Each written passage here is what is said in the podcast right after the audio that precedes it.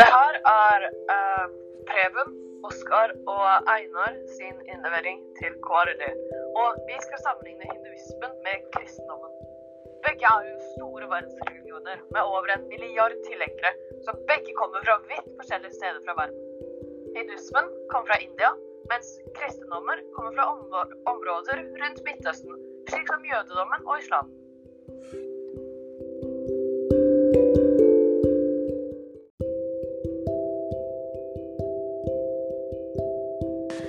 Så jeg vet ikke så mye om hva som skjer i hinduismen når man dør. Hva vet du, Preben? Ja, I hinduismen så tror man at du er en sjel som bor inni kroppen. Sjelen din det kalles for preta. Mm. Og dette betyr at når kroppen dør, så dør ikke du. Sjelen din er fortsatt i live. Det er bare ikke mulig å se den, og den flyr rundt som en usynlig masse. Etter dette så blir du gjenfødt i en ny kropp. Og målet det er å oppnå moksha, hvor du oppnår en umenneskelig tilstand og løsriver deg fra bitterhet, hat, grådighet osv. Hele denne prosessen kalles for samsara. Synes ikke... På grunn av alt dette skal man ikke tenke på sitt neste liv. Og man skal heller ikke bekymre seg over døden. Man skal leve livet sitt her og nå. Leve det så bra som mulig i håp om å oppnå moksha. Syns ikke du det virker ganske ekkelt å tro på den måten? Nei.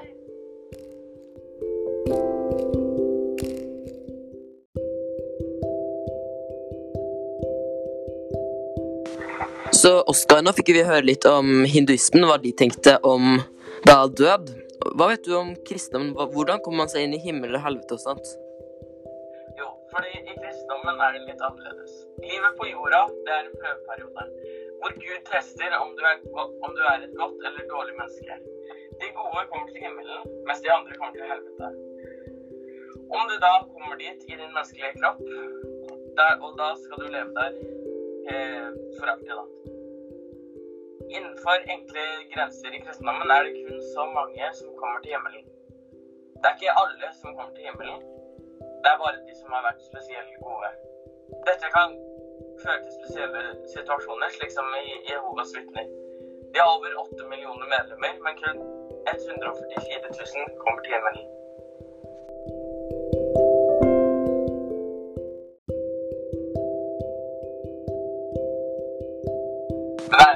Hvordan begraver de kristne en person? Ja, så I kristendommen, eh, i, i, eller i den norske kristendommen for helt nøyaktig, når en person dør, så er det veldig vanlig at man begraver dem i en kiste. Men man kan også bli kremert.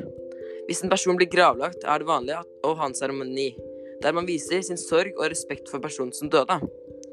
Seremonien skjer inne i en kirke, helt foran, helt foran kirken der presten står, ligger kisten, ved alteret. Kisten er dandert med blomster, kranser og silkebånd med gode ord på.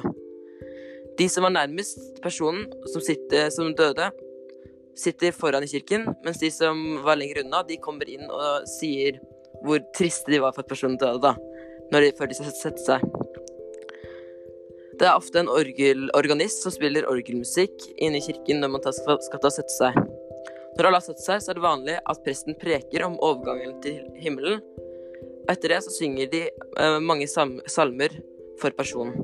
Det siste man gjør før man går ut, er å gå opp til de nærmeste, de nærmeste og si kondolerer. Det er vanlig å ha en fest, eller også kalt en sammenkomst, etter at kisten er senket ned i graven. Denne samkomsten kan enten bare være for de nærmeste, eller for alle som var i begravelsen. På denne festen deler man de beste minnene man har med personen, og man får ofte også litt mat og litt drikke. Den, dette hjelper ofte for de nærmeste personene å lette på stemningen og få oss til å føle seg litt bedre ved å minnes på alle de gode tingene personen som døde, gjorde.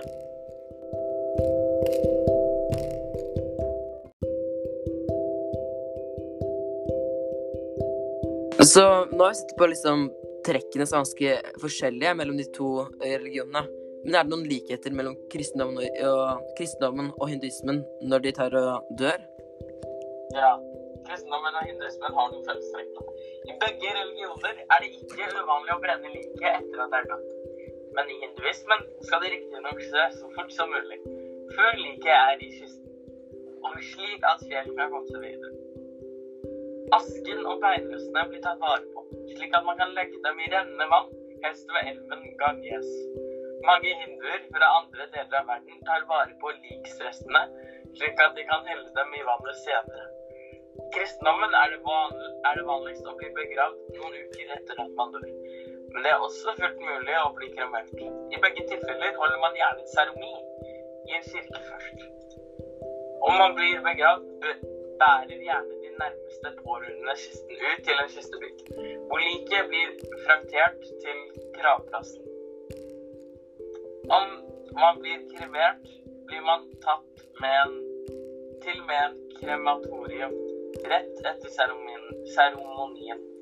Der brennes man før man legges i en urné. Urneen blir gjerne gitt til kjæresters foreldre eller de